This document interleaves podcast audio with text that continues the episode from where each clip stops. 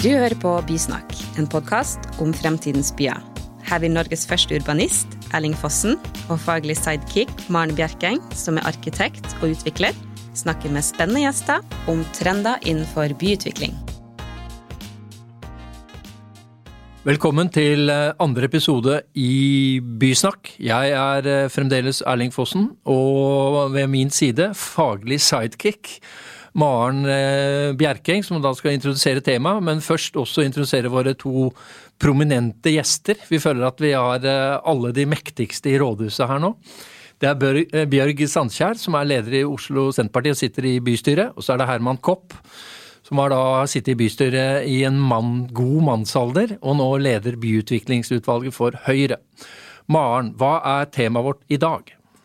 I dag eh, skal vi snakke om Oslo er full eller ikke. Eh, altså om det er nok eh, folk i byen, om byen skal vokse, bli mindre. Det er jo en strategi for fortetting og byvekst, og kommuneplanen eh, kommuneplanen sin samfunnsdel sier jo at Oslo mot 2030 kanskje får 100 000 innbyggere til. Og Da er det et spørsmål hvordan skal det i så fall skje? Og I forrige episode så snakket vi om eh, hva slags by vi vil ha. Vi var litt inne på det med nærhetsbyen og tetthet. Eh, og at byen må bli tettere. Eh, og da er det jo også eh, et spørsmål om man skal si at eh, om Oslo bør bli enda fullere enn, det, enn, den er. Så det vi ønsker å diskutere, er jo det er jo en rekke tema man kommer inn på da. Det er mye diskusjoner rundt uh, not in my backyard, uh, småhusbebyggelse eller høyhus, uh, eller kombinasjonen. og litt spørsmål også om er vi er den norske folkesjela skapt for å være i tett by? Er, må vi bli mer urbane for å bo tettere? Det er jo et litt sånn over, overordnet spørsmål som eh, det kanskje ikke finnes noe enkelt svar på, men vi skal prøve. Og da, Det er jo naturlig å starte med deg, eh, Bjørg. Eh, Senterpartiet har jo stans Oslo-suget, har egentlig da vært eh, mantra til Senterpartiet da, siden krigen.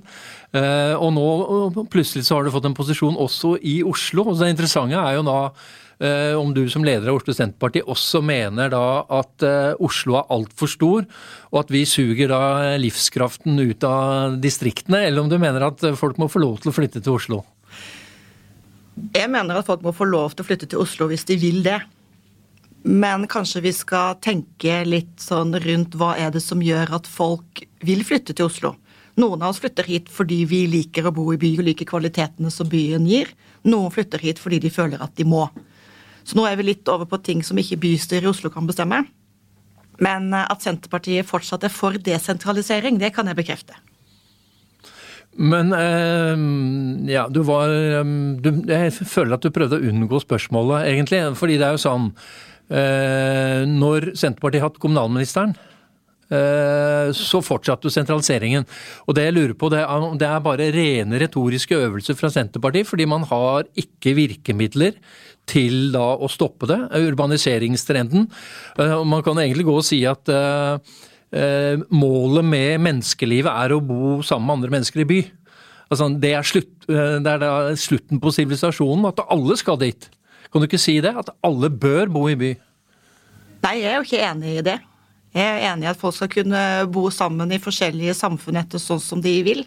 Noen ønsker å bo i mindre samfunn og bo mer spredt. En del av, viktig del av verdiskapinga som skjer i Norge, skjer langs kysten, f.eks. Vi trenger noen folk som bor der også for å tjene penger.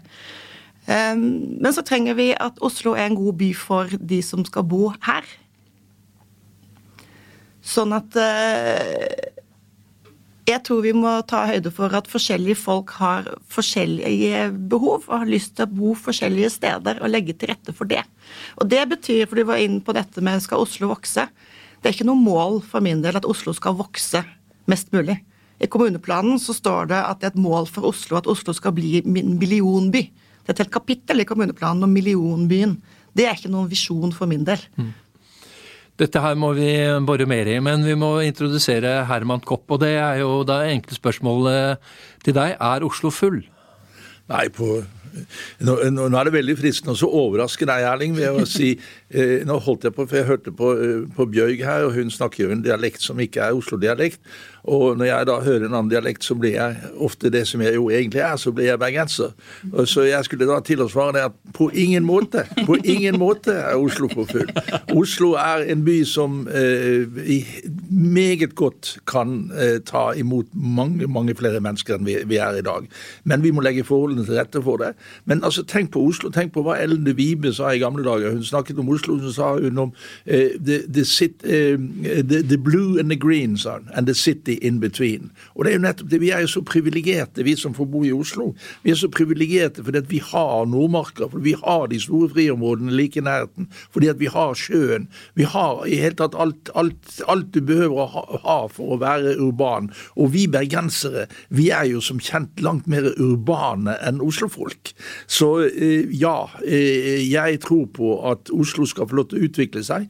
Det er ikke noe mål i seg selv at Oslo blir en millionby for, for min del, men den skal få utvikle seg på en naturlig måte, og vi skal legge forholdene til rette for at folk kan bo her, og at folk kan finne boliger som er hensiktsmessige for deres livssituasjon og for det de ønsker seg. Det, det må være målet eh, for oss.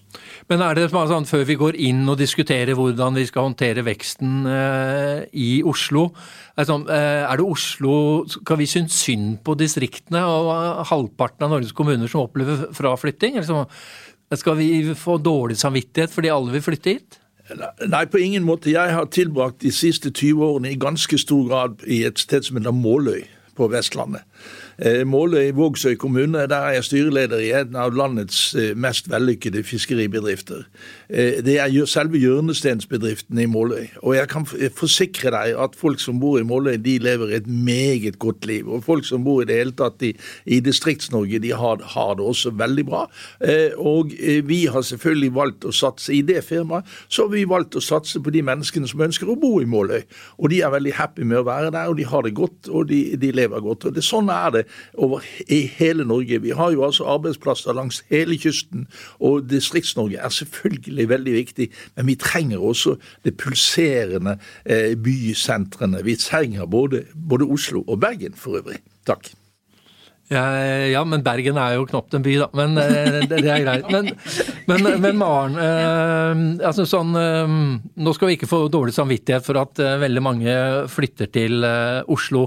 Men hvordan skal vi liksom håndtere denne veksten? Eh, skal vi ta markagrensa? Skal vi bygge høyere? Er, er, det industriområder som da kan transformeres? Hvordan håndterer vi det? Vi vokser da med mellom 10 og 14 000 Eh, innbyggere eh, i året. Vi har vokst sammenhengende siden 1984. Og hva vil også da du som eh, utvikler si, altså hvor er potensialet for videre fortetting? Det er jo, må man se litt på nyansene, det er, det er ikke ett svar som er riktig for hele byen.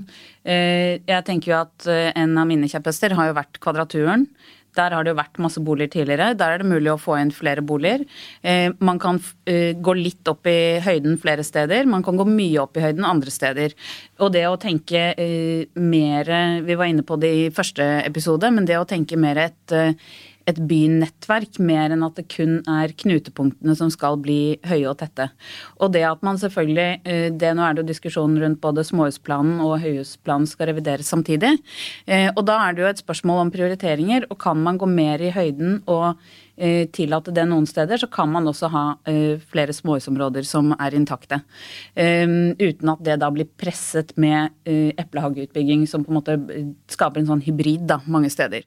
Så, men jeg tror det handler om å se byen nyansert, og ikke eller, og da også i kommuneplanen ta litt for seg område for område og se litt hva tålegrensen er, og hva slags kvaliteter vi bygger det urbane med. At det er litt sånn nøkkelen. At det er, det er ikke Høyt er ikke nødvendigvis mener jeg, da, synonymt med dårlig. Eh, hvis man har riktige kvaliteter som legges til grunn. Mm. Eh, er dette en oppskrift som Senterpartiet kan stå inne for? Jeg regner med at markagrensa skal vi ikke røre? Markagrensa skal vi ikke røre. Nei, fint. Og jeg er jo helt enig med Herman i Oslos kvaliteter, det grønne og det blå. Det må vi ta nøye og godt vare på. Men det jeg tenkte på når jeg hørte her altså Jeg er jo enig i at man må ta område for område og se hvordan man kan utvikle det, men jeg har lyst til å utfordre litt den ideen om at vi absolutt må jobbe innenfra og ut. Det blir mye konflikt rundt en del av disse fortettingsprosjektene. Jeg er ikke mot fortetting, Men jeg tror vi må se på at noen områder kan vi bevare som de er. Og i disse tider som vi alle blir liksom mer obs på våre nærmiljø, for vi går tur rundt der vi bor, så er jo jeg så heldig at jeg bor rett ved trehusbebyggelsen på Rodeløkka. Og jeg er jo kjempeglad for at ikke de ble revet i moderniseringens og utviklingens navn den gangen, men at beboerne der klarte å, å, stå imot og bevare noe som har blitt et veldig fint område, og som gir en god kvalitet til byen vår. Så jeg er litt opptatt av at vi lærer av de erfaringene, og ikke river gode, gamle bomiljø i liksom framskrittets navn og bygger store Noen av områdene som bygges ut, så syns jeg man bygger en del sånne eh, kasseaktige hus som heller ikke er så veldig fine. Så da er jeg inne i en litt annen debatt. Men, eh, men jeg kunne jo tenke meg at vi så på de områdene av byen hvor man har regulert, hvor det ligger klart til bygging. Eh, men trenger kanskje et eh, kollektivtilknytning, som Gjersrud, Stensrud eller andre sånne steder hvor du kan liksom få tatt litt tak. da. I stedet for å liksom fikle men, men, med denne fortettinga. Kan du være enig i uh, prinsippet? Altså da at hvis man da tillater å bygge høyere langs knutepunktene, så kan man i sterkere grad verne småhusområdene. Fordi, og det er jo interessant at uh, Eh, nå skal jo da både en ny småhusplan behandles og en ny høyestrategi. Høyhusstrategien eh, forventes å komme til masse bråk rundt. Mens eh, småhusplanen, som da er mye større og berører en veldig stor del av Oslo, den er det ikke noe debatt rundt. Hva tror du om det, Herman? Er det sånn, kan du også akseptere at man går høyere langs kollektivknutepunktene, hvis du får da vernet ditt av småhusområdene? Ja, For det første, eh, så, så, for å si det sånn, så skal jeg ta det østlandsk allikevel. Eh, jeg har aldri sett på tolv etasjer som et høyhus. Eh, jeg syns det, det, er liksom snakker av høyhusstrategi når vi har satt en begrensning på tolv etasjer. Det er, det er, ikke noe høyhus.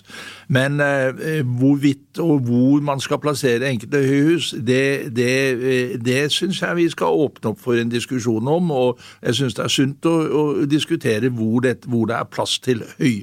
Altså altså skikkelig høyhus, eh, om vi, og om vi ønsker det i Oslo sentrum. Eh, eh, Verken jeg eller mitt parti har tatt noe endelig standpunkt til høyestrategien. Den regner jeg med vi får rikelig anledning til å komme tilbake igjen og diskutere.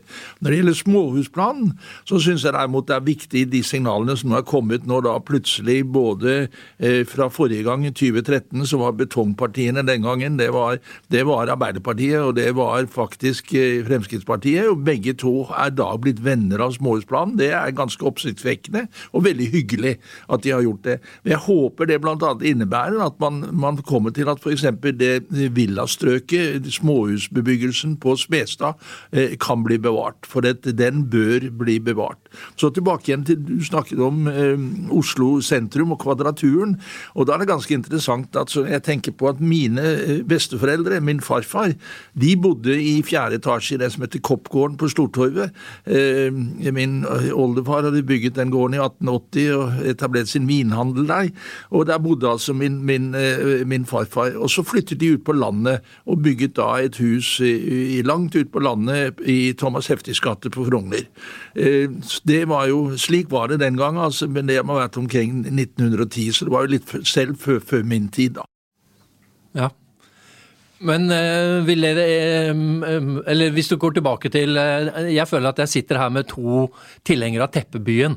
Og Teppebyen er jo det som ble da skrevet inn i den første, eller den gjeldende høyhusstrategien av Høyrebyrådet. Som vel Jeg vet ikke om det kommer fra byantikvaren Janne Wilberg, men det er da at Oslo er flat som en pannekake. Og er du gresstrå under det teppet, så er du ferdig. Altså, eh, men vi har jo over, ja, mye er det, langt over 100 bygg.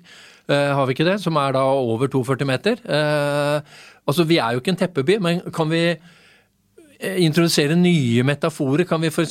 da si at vi er tuebyen? Altså, Skal du snakke om høyhus, må du snakke om naturmetaforer. Men vi har høyhus lang ved Oslo S. Vi tillater det å bygge øre på Skøyen. Vi kan bygge det langs Eh, kollektivknutepunktene. Kan vi eh, eller, klinge tuebyen? Altså, kan vi drepe teppebyen som metafor? Sånn som eh, man har bygd nå med å på en måte gi etter for press enkelte steder. Så det har kommet opp et sånt enkelt høyhus her og enkelt høyhus der. Det blir jo nesten sånn Hogdanbyen, det da. Ja. Tuebyen er kontrollert vekst. Det høyeste bygget. Du vokser naturlig Altså, Intuitivt, hva føler du om det begrepet? Bare sånn ja, ja, ja. Da, da er du på tur i skogen og plukker Jeg er litt redd for og at vi er liksom på ville veier. jeg, da. Jeg er nok eh, litt mer skeptisk til eh, at høyhuset skal være liksom eh, redningen for byutviklingen. Så jeg er redd for at tue, liten tue kan velte stort lass. Um, en kommentar til det som litt til begge både eller det dere begge har vært inne på, eh, så er det jo um, ikke sant, Jeg er helt enig med Herman det at høyhus, når man snakker tolv etasjer, det, ut fra et arkitektonisk jeg er arkitekt også, ut fra arkitektonisk ståsted, så blir det ofte litt sånn stutte, halvhøye eh, bygg som verken er høye eller lave. Så det er jo nesten en egen arkitektprofesjon hvis man hadde eh, greid å knekke koden på hvordan man bygger det bra.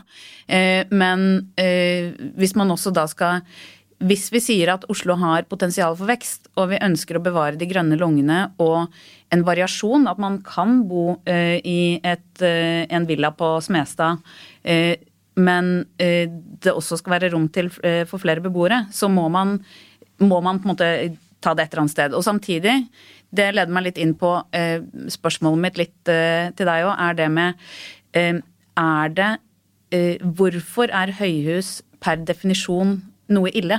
Fordi det er litt sånn som vi snakker om høyhusstrategien, så er det sånn hvordan kan vi begrense et uh, nødvendig onde? Kan man heller se på de mulighetene man får ved å bygge høyere og bygge mer volum? Man får mer uh, økonomi i eh, grøntområder, byrom. Eh, Man kan bygge høy kvalitet. Det kan være veldig god bokvalitet hvis man tenker på den utsikten man får fra å bo i, en, i et høyt bygg, hvis det er gjort på en god måte. Så i hvert fall det der at eh, å liksom skyte ned høyhuset før man i det hele tatt har snakket om kvaliteten eller hva det tilfører, eh, det er det jeg er litt nysgjerrig på å høre hva, hvorfor det i seg selv er ille. Vi har vel noen erfaringer med dårlig bygdehøyhus som har skapt vindtunneler og skapt dårlige forhold på bakkeplan, har på en måte lukka for levende liv mellom husene som vi alle vil ha. Eh, Jeg kan godt lytte til om det finnes muligheter for å bygge det godt, men jeg er skeptisk. Ja. Jeg har også hørt byutviklere si at høyhus er lat byutvikling.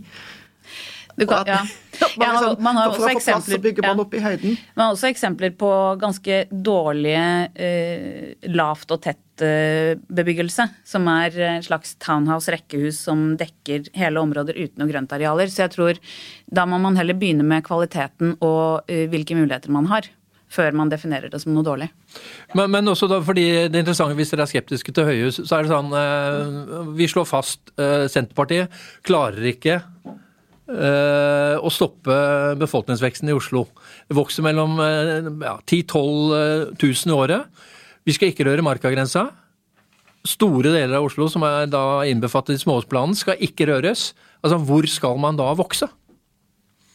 Og Jeg så at Herman Kopp eh, rakte opp hånden at eh, han ville ikke være høyhusmotstander. Det er notert. Vel, eh, jeg, jeg er ikke høyhusmotstander per se. Til, til det har jeg bodd for mange år i, i USA og levd i, i samfunn hvor jeg, hvor jeg har bodd i, bodd i høyhus, og jeg har hatt venner som har bodd i høyhus. og eh, Det meget, kan være en meget god boform enkelte steder, men jeg tror ikke høyhus per se er det som kommer til å eh, løse boligutvikle eller boligproblemene i Oslo. Det er der vi vil først og fremst bygge boliger ved å eh, ta, eh, ta, transformere en del av den eh, eh, eh, tidligere industribebyggelsen, som bl.a. på Haraldsrud, eh, STK, eh, telefon- og kabelfabrikk og hele det området der oppe som vi bl.a. har en, en eh, VEPOR, eh, en plan som skal gjennom bystyret på eh, i, i morgen. Eh, Og eh, det er mange andre steder i Oslo hvor vi kan bygge boliger. I tillegg så vil jeg gjerne tilbake igjen til Kvadraturen og til den gamle murhusbebyggelsen.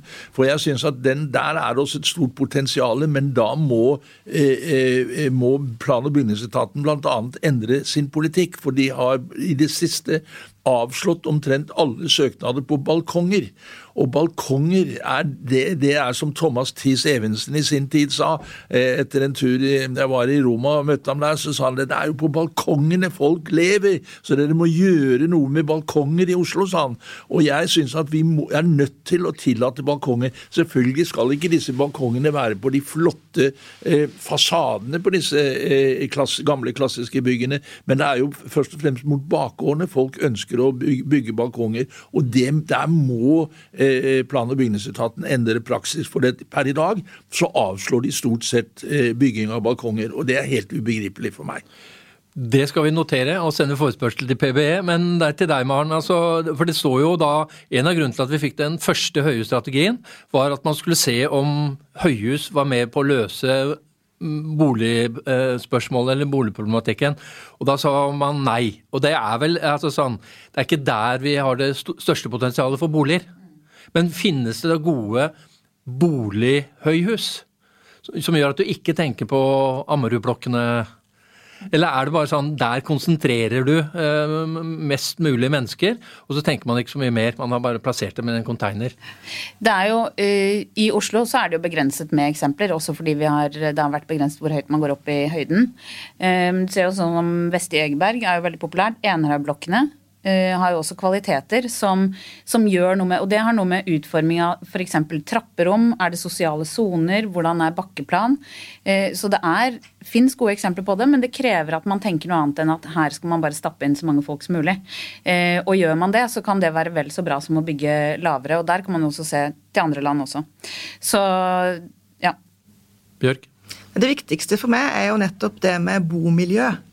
Og at ikke vi, uansett hvordan man, eh, hvordan man, bygger, og skal man få til gode bomiljø, så er jeg også veldig opptatt av at man tar med folk på råd. Altså dette med, med medvirkning i byutvikling. Mm. Vi har jo sett noen enorme konflikter rundt noen av disse, disse forskjellige utviklingsprosjektene. Rundt Noen av de har kommet helt inn i bystyret. Jeg tenker at Noe av det viktigste vi kan gjøre, er å begynne med den involveringa tidlig. Sånn at alle forskjellige stemmer, både de som roper høyt og de som ikke roper fullt så høyt, kan få lov til å være med tidlig inn og si noe om hvordan de vil ha eh, et nabolag. Og når jeg sier det, så får jeg alltid 'not in my backyard'. NIMBY. Og da svarer jeg med 'Bimbi, beauty in my backyard'. De fleste folk kan jo være med på å utvikle et, et godt nabolag eh, hvis de blir tatt med på råd. Men veldig mange syns jo disse prosessene er så ugjennomtrengelige. Vi snakker om nye planer her. Eh, det blir liksom abstrakt for folk. Jeg tror noe av det viktigste vi kan gjøre i bystyret, det er å gjøre dette tilgjengelig, så folk skjønner litt men, hva som skal skje, og hvordan vi, de kan involvere seg. Men uh, Vi skal gå inn mot avslutning, men jeg skal bare trekke inn deg, Harman. Men uh, vi hadde jo en ganske ambisiøs kommuneplan som ble lagt fram av Høyrebyrådet i 2015. Og det var første gang man da hadde begynt å fortette i et eksisterende boligmiljø, Nedre Grefsen. Og det skapte ramaskrik. Eh, Høyre snudde, fantastisk. De legger fram en kommuneplan, og så er du uenig med sin egen kommuneplan et halvt år seinere. Og du sa at man skulle da fortette i tidligere industriområder type Haraldrud, men den kommuneplanen viste at den tiden er snart forbi. Transformasjonsområdene er i ferd med å gå tomme for. Da må vi begynne å fortette også eksisterende boligmiljøer. Og der sier Høyre konsekvent nei. Og Dermed så er det ikke plass til de 12 000-14 000 menneskene som flytter til Oslo hvert år. Ja, Du tar feil der, Erling. Det er fortsatt mange muligheter. Vi har Gjersrud, Stensrud bl.a. som et område. det kommer område. Aldri, for det kommer har, aldri til å bli kollektivknutepunkt ut av. Det, det, der, der er du og jeg uenige, antagelig. Vi har Filipstad, vi har en rekke områder som fortsatt fortsatt skal bygges ut i denne byen. Og jeg, jeg, tror det kommer til å ta ganske lang tid før vi blir tom for, eh, for, for muligheter.